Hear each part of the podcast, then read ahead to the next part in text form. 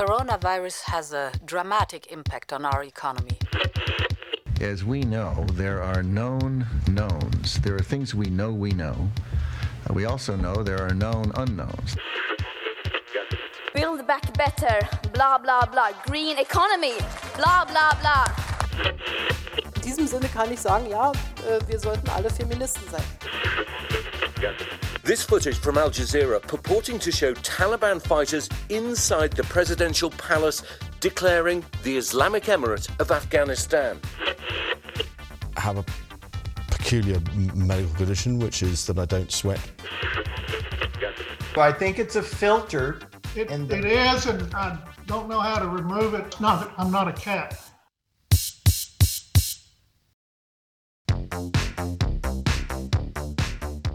Þú ert að hlusta á heimskviður Í heimskviðum er fjallað um það sem gerist ekki á Íslandi.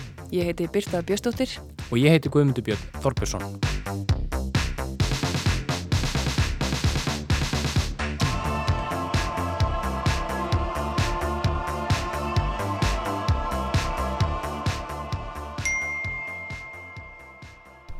Heill og sælvinnur, ah, gott að heyra frá þér. Herðu, ég er að vísu mitt á leið út í göngutur núna en getum við bara saman með þetta og, og ég svara nokkrum spurningum hérna meðan. Býttu, býttu aðeins hérna. Þetta er Geir Konráð Theodorsson, gamall félagi sem býr nú í Eþjópíu á samt unnustu sinni Sössju sem starfar fyrir saminuðu þjóðunar í Addis Ababa. Ég hafði samband við Geir í kjálfarið á þeim miklu átökum sem nú eiga sér stað víða um landið millir uppreistnar Hermanna úr Tígræi héræði og stjórnarhersins. Átökin hafa staðið yfir í rúmt ár en síðustu vikur færst harkalega í aukana og þótt við lifum á tæknu öll þá var ekki auðvelt að ná sambandi við þennan gamla félaga minn en það netsamband á Afrikuhorninu ekki eins og við um að venjast og í kjálfar átaka síðustu vikna er það vægast sagt upp og ofan.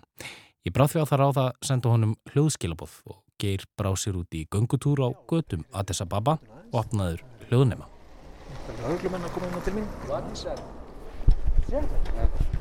Yeah. It's a microphone. Michael, uh, you are a journalist? No, Uh, no journalism. yes.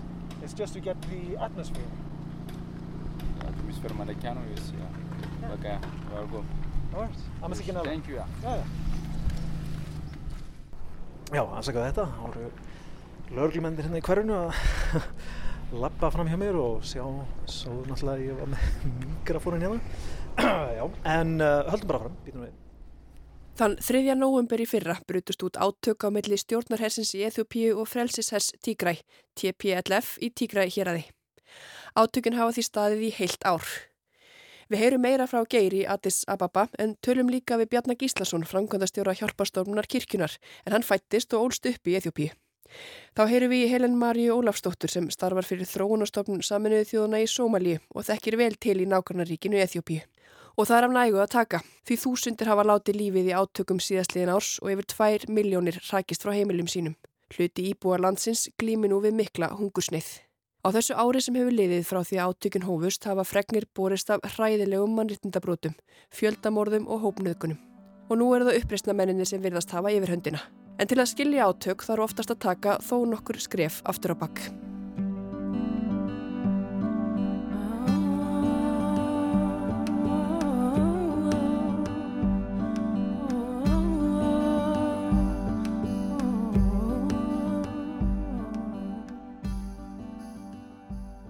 Tígræ hérað er nyrsta hérað Eþjópíu og landamærað Eritregu í norðri og Sútan í vestri. Þar búa rétt rúmlega 7 miljónir af þeim tæplega 120 miljónum sem byggja Eþjópíu. Stærsta borgin í Tígræ er Mekelle, næst stærsta borg Eþjópíu eftir höfuborginni Addis Ababa. Hér eða þá sér langa og merkilega sögu er stundum kallað vakka eþjópískrar menningar. Þar var konungsrikið Damat fyrir um 3000 árum og Aksumveldið svo kallaða frá fyrstu öld eftir krist til þeirrar miðju tíundu. Íbúar tóku kristni á fjörðu öld og er fyrsta ríkið sem sló kross í mynd sína. Á miðöldum gekk á ímsu á þessu svæði og var tígræði meðal annars skipt upp í nokkur héruð. Á miðri 19. öld samanniðust höfðingjar tveggja héraða innan tígræ, Tembian og Enderta um yfirráð á svæðinu öllu. Deyasmak Kassai Merka varð keisari yfir þessi svæði árið 1872 og tók sér nafnið Jóhannes Fjörði. Hann lést í átökum árið 1889 og í kjölfarið færðust völdin á svæðinu yfir til Sevasvæðisins sem er staðsett í miðri Eþjópíu. Völdin fóruð í söður og burt, út og söður kannski. En stolt og sjálfstæðis vitund í búa Tígræ kvarf ekki. Árið 1943 fóru sjálfstæðisinnar í Tígræ að láta sér kveða í söður og östurluta hérasins. Slagorð sjálfstæðisinna var eitthvað á þá leið að enginn væri ríkistjónin í Eþjópíu. Skipilagjum okkur og gerum þetta bara sjálf. Hérast þingur myndið út um gervalt Tígræ hérað og hafist handa við að þjálfa herlið. Á þessum tíma var Haile Selassie Eþjópíu keisari en hann sata á keisarastóli frá 1930 til 1974 þegar hún var steft af stóli í valdaráni hersins. Í februar 1974 brutust út átök í Addis Ababa í kjölfar sívaksandi verðbólgu. Keisarin Haile Selassie brást skjótt við ákalli íbúana, lækkaði eldsneitisverð og fristi verðhækkanir á nöðsynavörum. Almenningur róaðist um sinn en ekki herin. Að endingu hækkaði Haile Selassie laun Hermanna um nær helming. Ekki fengu þó allir þessa launahækkun og hóf rannsókunemnd óbreyttra hermana sem kallaðist DERG að rannsaka þessa launahækkanir upp á eigin spýtur. Í kjölfarið myndaðist pólitísk upplausna á ný í landinu og var hinn um það 82 ára Salessi steift á stóli þann 12. september. Við tók herfóringjastjórn DERG sem þjóðnýtti flest allar stopnarnir og fyrirtæki og mögur ári í Eþjópi voru framöndan. Hungusneiði ríkti á 8. og 9. áratögnum og 100.000 flýðu land. Og þetta er hungusneiðin sem við fylgdust með í fréttum sem börn. Vorum vinsilegast beðin um að klára matin okkar því það veru svöng börn í Eþjópíu sem fengju ekkert að borða. Bjarni Gíslason er framkvæmdastjóri hjálpastarfs kirkunar. Það er, hefur verið af og til alltaf þurkar og erfileikar. Við munum það líka að keisarinn var að fara frá vegna mikillar hungusneiðar hérna 74 og það hafa alltaf af og til komið neyðar hróp frá Eþjópíu vegna þurka og vegna yngisbrettu faraldurs, vegna of mikilvæg rigningar og svo framvegs. En svo hafa komið kablar á ár á milli þar sem þetta hefur verið stöðugra en, en landið hefur búið við viðkvæma stöðu og þetta eru mikið sjálfsöftabændur þannig að þeir byggja allt sitt á náttúrunni og á uppskerunni og þegar það bregst þá er það mikið sem fyrir úrskeiðis. Og það kannski getur kynnt undir ófrið? Já og þá er náttúrulega landið, rektarlandið, beitilandið það er það sem er mikilvægt og þess vegna er það svo mikilvægt fyrir þjóðflokkana að vernda sitt svæði og ef það geta fengið meiri völd og meiri áhrif á sínu svæði þá vil ég að gætna grípa það tækifæri. Bjarni fættist í Eþjópíu árið 1961 þar sem fóreldrar hans voru kristnibúðar. Þar gekk hann sömu leiðis í skóla. Hvernig var að alast upp í Eþjópíu? Það var frábært og, og okkur leið mjög vel og, og mér leið mjög vel þannig að já, bara goða minningar frá Eþjópíu.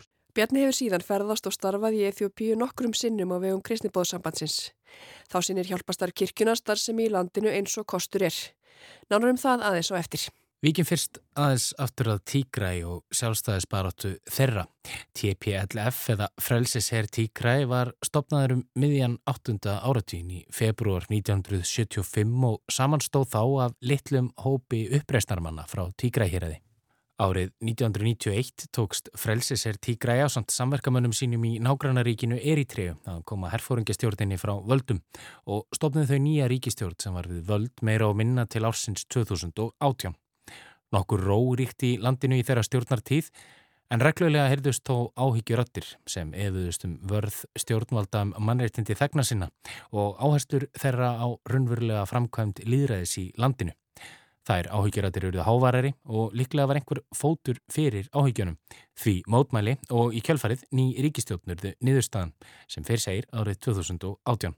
Það var þá sem Abiy Ahmed var fósættisarað þeirra Eþjópi. Eitt af hans fyrstu verkum var að losa undan embættisskildum sínum hátt setta embættismenn frá Tigray. Menn sem voru sagaðir af þegnum sínum um spillingu og einræðistilbyrði. Í stuttumáli má nefnilega segja að ófriðurinn í tígra héræði eigi orsök sína í breytingum á flókinni stjórnskipan landsins. En í nýji fósettisræður að komin með trykki. Hann vildi binda enda á valdatíð hérastjórna og svo náði hann að binda enda á árlangar deilur við nákvæmlaríkið er í triu, ferli sem triðunum fríðavelu Nobels árið 2019 ári eftir að hann varð fósettisræðura.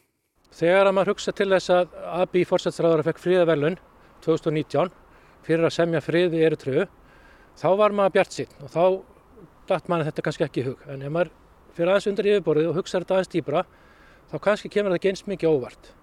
Eþjópia, þetta er eitt land en þetta eru margar þjóður. Það eru yfir 80 mismunandi þjóðflokkar í Eþjópju, mismunandi tungumál, mismunandi menning og þetta fer til svæðum og menn búa ákveðinu svæði sem að tilhera ákveðinu þjóðflokki og þá kemur þetta ekki óvart þegar maður hugsa tilbaka um söguna og hverju voru við völd og hverju eru við völd núna. Og undir þetta tekur Helen Marja Ólafsdóttir hjá þróunarstofnun Saminuði þjóðana í Somalíu. Hér var sagt, maður sem var mentaður, sem var, hérna, fór fram með mikinn í sambandi við framfærir og hann sé, sést, það verður kona þannig fórsetið sem að vann fyrir Saminuði þjóðanar. Ég man bara að það voru allir alveg óbóslega jákvæðir og töldu að nú væri loksins komið tímabilið þar sem að Eþjópia myndi breytast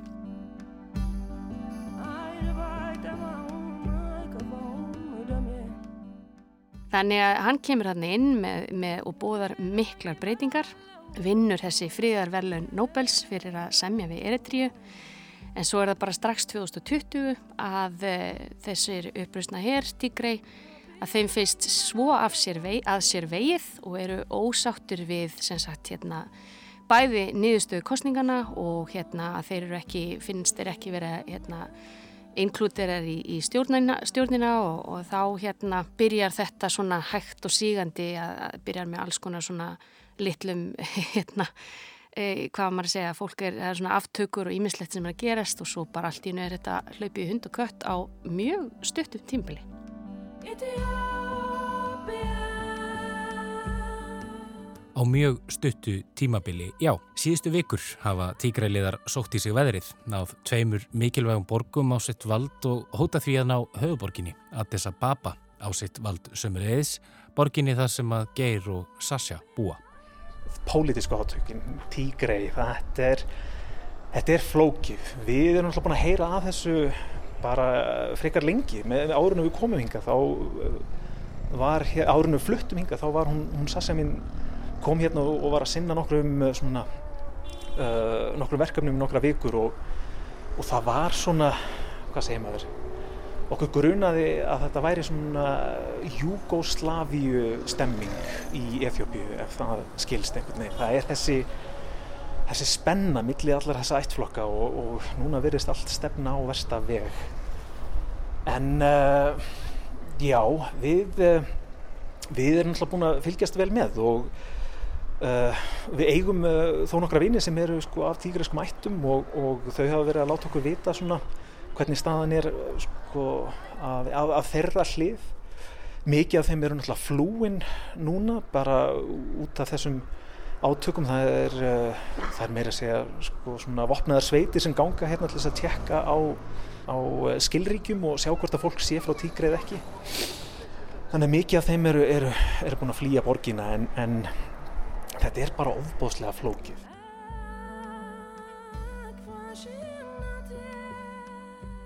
Við vorum komin þangað í sögunni að í september í fyrra var gengið til kostninga. Þær voru haldnar í tígra í óþökk stjórnvalda sem hefðu tekið ákverðunum að fresta kostningum vegna koronavirufaraldisins. Stjórnvaldi í Eþjópíu vildi því ekki unna niðurstöðum kostningana og ekki skánaði ástandið mánuði síðar þegar stjórnvald ákveða skera á allan fjárstöðning til tígræ. Þá ákverðun letu ráðamenni í tígræ á sem stríðsyfirlýsingu og þá sprakk allt í loft upp. Á þessum stuttatíma sem átökin hafa varið hafa týjir þúsunda hermana og uppreysnamanna láti lífið og þið sama má segja um almenna borgara. Kanski var Abi og Bjart sýtn eða gekk of langt í að alla bara breyta öllu á örstuttum tíma en það veit enginn hvernig, hvernig framtíðin verður og það er mjög erfitt að sjá fyrir sér hvernig þetta fer maður fer, fer fyrir brjóstu að mann að sjá að þetta land sem að það sem að var svona mikil von 2019 um að þarna eru virkilega breytingar sem að þarf á að halda. Þetta er náttúrulega fát, alveg rosalega fátækt, fátækt land. Þeir mega bara alls ekki við þessu. Og, og þessar frettir af, af því hvernig þetta stríð hefur farið fram í tígrei þetta er rosalega brútalt. Þarna eru miklar, ég meina að begja megin eiga sér stað alveg ríkaleg mann þetta brott og, og hérna bara reynsingar þannig að það fer fyrir brjóstu að manni hvernig, hvert þetta komið í dag Síðan þá hefur gengið á með árásum og átökum á báða bóa. Hræðilegar frásagnir af aftökum og nögunum berast frá annars einangruðu tígræ héræðinu. Þúsundir líki í valnum eftir átök undanfærina mánuða. Um tvær miljónir er á flótta en að eigin heimalands og hungusneið blasir við um miljón íbúa landsins. Talið er að nær allar 7 miljónleitnar sem búa í Tigray þurfi á utanakomandi aðstóða halda við að draga fram lífið. Og þó hjálparstofnanir séu eðlumálsins samkant allar af vilja gerðar er talið að einungis um 10% hjálpargagna berist þeim sem áþurfa að halda vegna stríðsástandsins. Já, það er að sjálfsögðu mjög erfitt á áfriðarsvæðum eins og tígri svæðið er. Við sendum út peningi mars. Í byrjun þá var hægt að fara inn í tígri og aðfenda uh, búnað og mat og bóra fyrir vatni og svo framvegs í, í byrjun, í mars og fram á sömarið.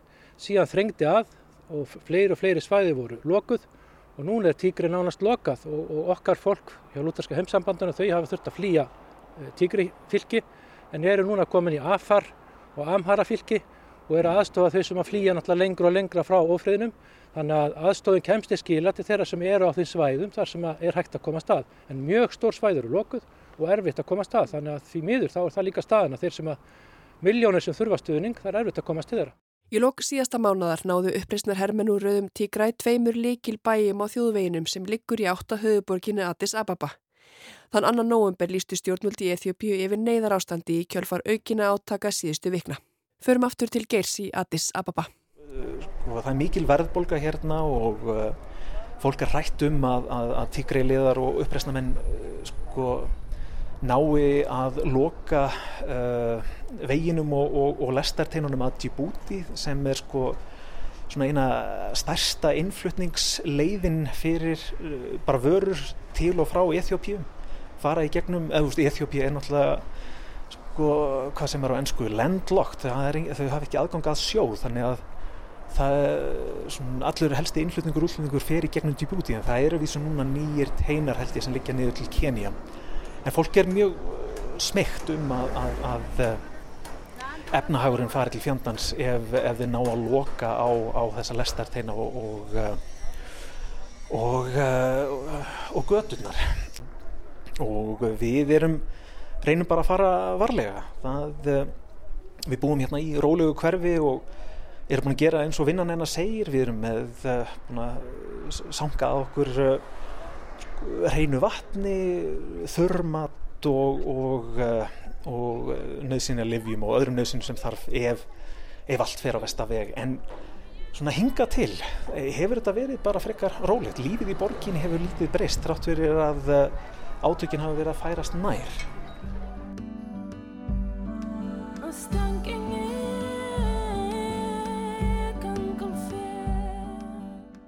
hættan er svo að það dreifir sér þessi ófríðu vegna þess að það eru þjóðflokk, aðri þjóðflokkar annar staðar sem að hafa verið að berjast örlítið og verið ófríður víða og hættan er svo að þetta breyðist út og þetta bara brjótist út í almenna borgarastyrfjöldi yfir landið.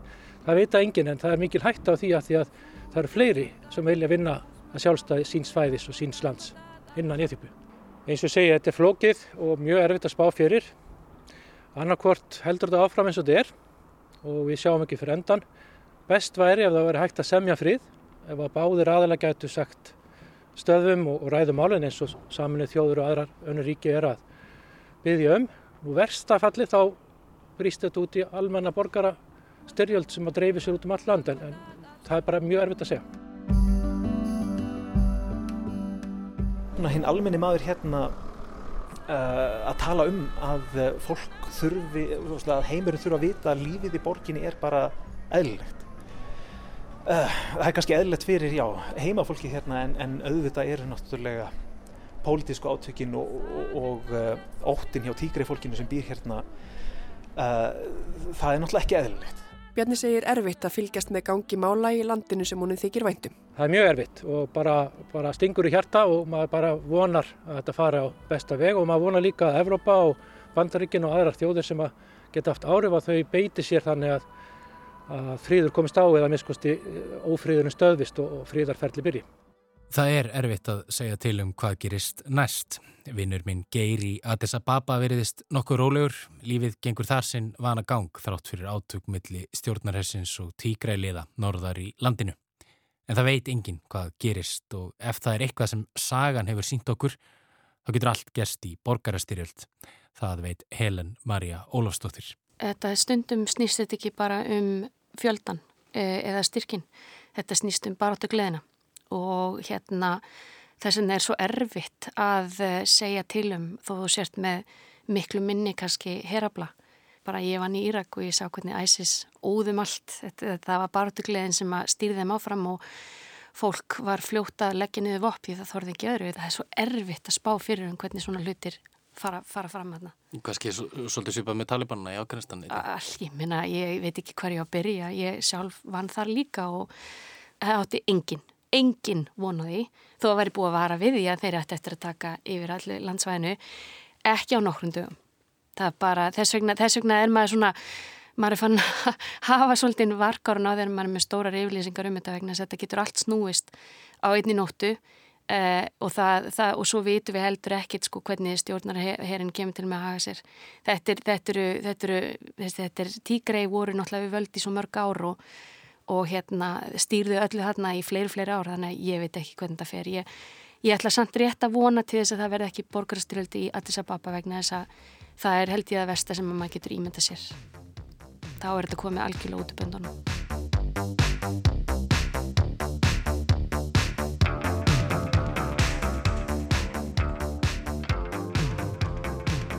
En þá færum við okkur yfir á öllu friðsamari slóðir.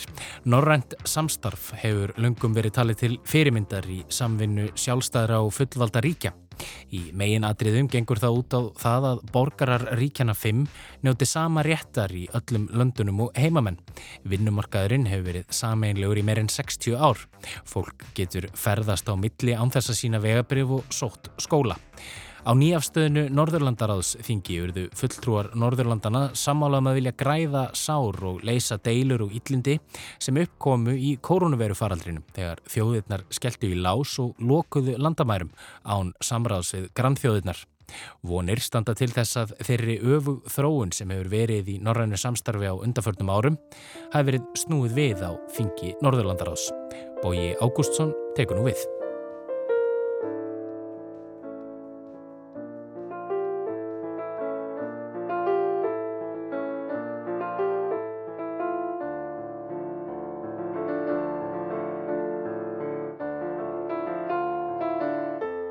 Vi delar samma värden, vi har samma intressen och eh, det utgör en, en naturlig grund för uh, uh, samarbetet. Við höfum sama gildismat, við höfum sömu áhugamál og það er grundvöldun á reyns samstafs, segir Finnin Erki Túamajája sem nú hefur tekið við sem fósitt í Norðurlandarás. Hann vil græða sár og leysa deilur og yllindi sem komu upp í koronaveiru faraldrinum þegar þjóðurna skelltu í lás og lokuðu landamærum ánsamráðs við grannþjóðirnar. Vonist standa til að þeirri öfugþróun sem verið hefur í norinu samstarri og undanförnum árum hafi verið snúið við á þingi Norðurlandarás í Kaupmannöfni verið. Sigurður Ingi Jóhansson er norrætt samstarfsráð þeirra í Íslensku ríkistjórninni. Það var eiginlega á þessu þingi, svona var tvent sem var svona alveg mjög augljóst. Það var annars vegar hinn mikla gleði yfir því að geta komið saman aftur og tala saman og fyrir vikið varð umræðan jákvæðari, uppbyggilegri af því að menn voru svolítið að leggja sér fram af því að þeir voru gladir yfir því. Hinn hliðin var síðan þessi að, að, hérna, að eftir alls konar uppákomur sem að urðu fyrst og fremst vegna þess að menn lokuðu landamærum án samtals, án samræðans, án þess að finna lausnir fyrir þennan stóra hópfól sem að sérstaklega í skandinavisku löndunum hérna, ferðast á milli á hverjum degi að það voru bara sár þar og þau eru ekki gróin og þau mun taka tíma að gróa og þess vegna sögðum en þetta getur ekki gengið svona og þetta má aldrei gerast aftur. Það sem aldrei má gerast aftur er að landamærum sem hafðu verið opinn frá 1952 verði lokað.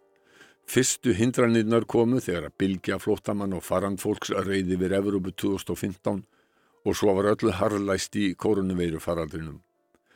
Þetta gerðist þegar að fórsættisráð þeirra landana höfðu nýlega samþýgt að Norðurlöndin skildu verða samopnasta og sjálfbærasta svæði veraldar. Þegar farsóttin breytist út, gripur ríkistjórnir til einhliðar ástafana. Ráðamenn rætust ekki við augliti til auglitis Ekkert varð úr því að þeir kæmi til Reykjavíkur á fund Norðurlandarás í fyrra. Bertel Horter, sem þá tók við sem fósetti Norðurlandarás, segir að skort hefja á norrænan hugsunarhátt Samstarfið hafi verið orðið sjálfgefið, allir hafi verið fylgjandi því en nu þurfa að breyta þeim hugsunarhætti við lausn vandamála. Det nordiske var en selvfølge, alle var tilhængere af det, men nu er vi altså nødt til at opøve en evne til at tænke nordisk, når vi skal løse problemer. Sænski fréttamaðurinn David Rasmusson líkir norrænu samstarfið við hjónabandi eða hjónabönd þegar krísan skall á komu brestirnir í ljós en nu är att bjarga hjónabandinu. Det nordiska samarbetet kan på sätt och vis jämföras med ett äktenskap där paret, eller paren i det här fallet, länge tagit varandra för givet. Och när krisen kom blev sprickorna tydliga. Nu ska äktenskapet räddas. Bertil Horter segir að það verði að endurræsa norrænt samstarf, hugsaðu upp á nýtt og byrja á byrjunni en byggja á því sem hafi áunist. Það er noget, der hedder reset. Við skal altså hafa resettet det nordiske samarbejde. Tænke det forfra og starte forfra, men selvfølgelig bygge videre på det, vi har. En hvernig metur Guðlaug Þór Þórðarsson utanrikiðsráð þeirra stöðuna eftir Þing Norðurlandarási í Köpmanahöf? Ég met hana uh, þannig að uh, Norðurlandarsamstarfið hefur elvst og styrst líka út af áföllunum. Og ef ég ber saman þegar ég tekjir við fyrir um, um tæplega fimm ári síðan hvernig samstarfið var, var hátt á þá með við núna þá er þetta ekki breyting, þetta er raunbilding samstarf okkar utryggisáþurinn er bara mjög þjætt og gott og sama með þróunarsamlur ráþurina og reynda varnamál ráþurina líka. Það er ekki traust á milli aðila, það eru hreinskiptin þarna umræða en stóra einstakka máli er það og við erum að vera meðbyrnu um það, ég segi það þegar við lítum eins og við Íslandingar, þegar við erum að líta á heiminn, að þá eru Norðurlundin er okkar fjölskylda er alltaf fullkomin hamingja í fjölskyldubónu, nei. Gerist eitthvað? Já, eins og bara í öllum fjölskyldum, en þetta er samt sem að það fólk sem er næst okkur. Guðlugu Þór líkti norrænu þjóðunum við fjölskyldu þar sem erjur geta komið upp. En þetta voru bísna alvarlegar erjur sem að hafa skili eftir sig sár þó að kannanir síni að almenningur á Norðurlöndunum sé enn þeirrar skoðunar að norrænt samstarf skipti miklu máli. Anna Hallberg, norrænt samstarfsráþara í sænsku ríkistjórninni, segir mörg mistök hafi verið gerð. Þegar landamærum að öðru norrænu ríki sé lokað verði að hafa samband við viðkomandi ríkistjórn til að atua hvaða afleiðingar lokunin hafi, ekki sé hægt að gera sig grein fyrir öllum afleiðingum fyrir samfélagið Hvað gerist þegar að þúsundi launþega komast ekki í vinnu vikum saman och få ingen lön? Ett exempel är när vi väljer att stänga en gräns mot ett annat nordiskt land, då måste vi först kontakta den andra nordiska regeringen och fråga vad innebär det här för er? Vi kan ju inte överblicka exakt vad det på, hur det påverkar samhället. Fólk hafi ekki vitað hvort það hefði efni á mat og húsnaði næsta mánuð, svo alvarlegt var þetta og það má aldrei gerast aftur, sagði Anna Hallberg og endurómaði það sem við heyrðum Sigurd Inga segja. Mat på bordet den kommande månaden, så allvarligt har det faktiskt varit. Det får aldrig ske igen. Hallberg bæti við að löndin hafi ekki haft neyn tæki til þess að bregðast við krísunni sem skall hratt á. Það hafi bytna á fólki og fyrirtækjum í landamæra hérðunum. När pandemin bröt ut så det fanns diskussioner och det fanns dialog men det fanns inte en beredskap för att vara koordinerade när vi gick in i krisen så snabbt. Norrænu ríkin ætla að reyna að ráða bót á þessum skorti á viðegandi tækjum eða áætlunum til að bregðast við og samhæfa aðgerðir þegar váknýr að dyrum.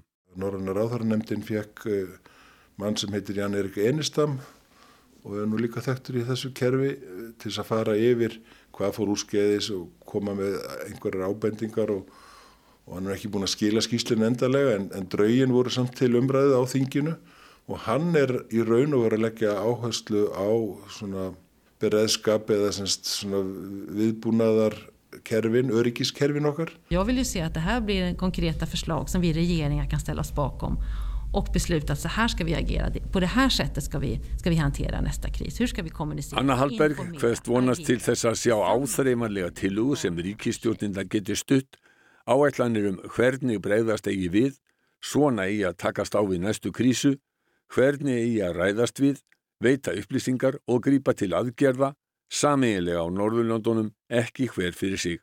Alla sådana här stora nordiska framsteg så har, så har skett alltid i skuggan av, av stora misslyckanden. Jóhann Strang, professor við Háskólan í Helsingi og sérfræðingur um norræn málefni, segir að mögulega veiti koronavirukrísan tækifæri fyrir nýja sókn í samstarfi. Stærstu skrefinni í norrænni samvinnu hafi verið stígin i skugga einhver som hafi mistekist. Misslyckade Nordiska ekonomiska unionen, uh, Nordec. Så det finns något, forskare talar om liksom den nordiska Fenix-effekten, att den, den stiger alltid upp ur askan. Norðurlandaráð hafi verið stopnað 1952 eftir að tilraunni til að búa til norrænt varnarbandalag hafi orðið að engu. Norræna ráþæranemdin hafi komið til 1973 þegar fyrirætlanir um norrænt efnahagsbandalag hafi runnið út í sandin. Talað síðan um Fönix áhrifin, fugglin sem endurfættist og reys úr eigin ösku. Sigurður Ingi er ekki frá því að nokkuð geti verið til í þessari kenningu. Já, veist að ég er ekki frá því, sko. Annars verður erum við þetta með þessa framtíðasín sem var hér uh, samþygt uh, 2019 í formasku tíð okkar hérna Íslandinga í Norrannur Ráþaranemdini um, um, sem að byggði á þessari ákvörðun fórsættisáðurina frá nokkrum árum fyrir um að, um að Norrlöndin ætti að vera samþættasta og sjálfbærasta svæði veraldar síðan kemur þessi alheimsfaraldur og kýpir einhvern veginn öllu tilbaka og þá, þá held ég að menn verði svona skýrar í hugsun um þetta og ég er ekki frá því að, að þetta gæti gerst. Mér fannst allavega viljin á þessu Norrlandarásþingi í, í tölum og, og samtölum bara við fólk en líka bara í ræðum á, á þinginu vera í mjög eindregin í þessa átt að, að hérna, þetta gæti við auðvitað ekki verið þekkt fyrir og eruðum að laga og þess vegna myndum mann setja kraft í það og bæði Norrannar áþaranemdin sem og Norrlandar ráðið sjálft eða þingið uh, hafa svona sett á laginnar ákveðna ferla í það ótt. Jóhann Strang telur að hluti af skýringunni á því af hverju allt fór úrskeiðis í viðbröðum Norðurlanda við farsóttinni hafi verið þekkingalesi í ennbættiskerfinu.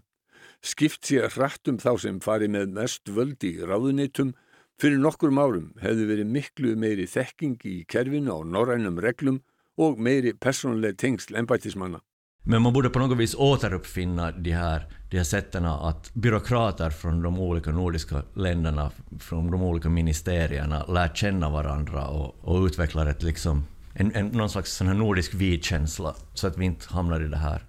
Ég er ekki frá því að við ættum að taka upp að nýju að búrókratarnir frá ólíkum norrænum ríkjum og úr mismunandi ráðunitum kynnist hverjir öðrum og geti myndað norræna samkend svo við lendum ekki aftur í sömu vandræðum, sagði Jóhann Strang.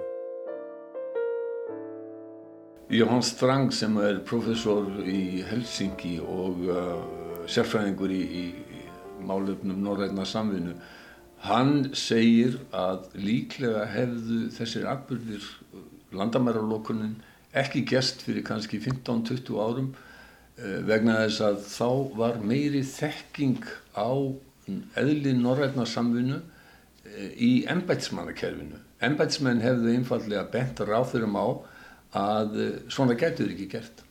Mér finnst þetta mjög áhugaverð sko staðhæfing vegna þess að svona upplifiði það hér fyrir nokkrum árum og heyrði líka kannski áður en ég fór að taka svona virkan þátt í þessu norðan samstarfi að, að svo staðreind að, að hérna, sérstaklega eftir að Svíjar og Finnar voru komnir inn í Európa-sambandið að þá svona mingaði áhín á hinnu norðan samstarfi og menn töldu að európska samstarfi væri nóg. E, það hefur mér fundist hafa gjör breyst á síðust árum þannig að það gæti alveg hafa orðið þarna einhvert róf í þekkingunni í embætiskerfinu sem að myndi þá styðja þessa staðhafingu hans. Og mér finnst það ekki ólíklegt. Eh, ég hef, hef aðeins upplifað þetta sjálfur í samstarfi eh, samgöngur á þeirra sem sagt þar hefur verið óskað eftir eða ákveðið samþygt af Norðurlandaráðinu sem stingmannunum að það er því sett á laggirnar eh, ráð þeirra ráð um, um samgöngur eins og var hérna árum áður og uh, ég hef stutt það alveg endreið og, og hérna og ég held ég megi segja að það séu einhverjir áþurar sem hafa gert það. En annars vegar á samgangur áþurar Svíþjóðar og, og einhver leiti Finnland sem eru í Európusambands samstarfinu þeir hafa einfallega verið mótfallnir því vegna þess að sérstaklega sá sænski hefur verið mjög upptekin af európska samstarfinu. Þannig að ég get alveg ímynda mér að, að hérna, og trúa því að þessi staðhæfing sé, sé nokkuð til í henni. Jóhann Strang segir að áhugi svíja á grannlöndunum hafi verið takmarkaður eftir ingönguna í Evrópusambandið. Nú hafi menn hins vegar uppgötað að grannarnir hægi sér ekki alltaf eins og menn vilji och nödvändigt sé att rädda um málinn. Það telji han mjög jákvægt. Och jag tror kanske framförallt har det här skett i, i Sverige.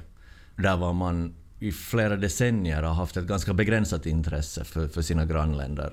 Och nu har man liksom på något vis då upptäckt att man, man inte kan räkna med, med att grannarna uh, gör precis som en, en, en själva, utan att man måste på något vis uh, föra, föra dialog kring, kring de här frågorna.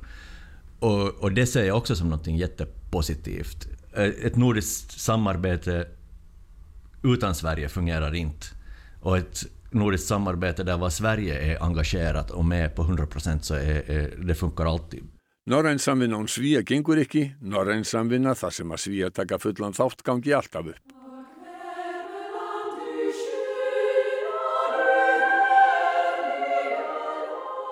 Mörgum er andum norræna samvinnu og þau vona að Norðurlandaráðsþingið í Köpmanöfn marki þáttaskil.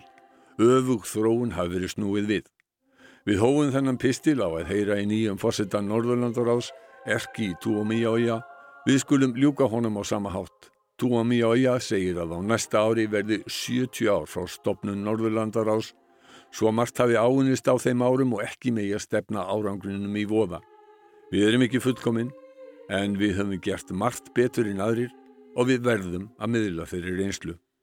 Eh, vi är inte perfekta men vi har gjort många saker bättre än de flesta andra och vi måste dela våra erfarenheter med de som är intresserade av vår framgång. Heimskuður verða ekki fleiri þessa vikuna. Takk fyrir að hlusta og við heyrumst aftur í næstu viku.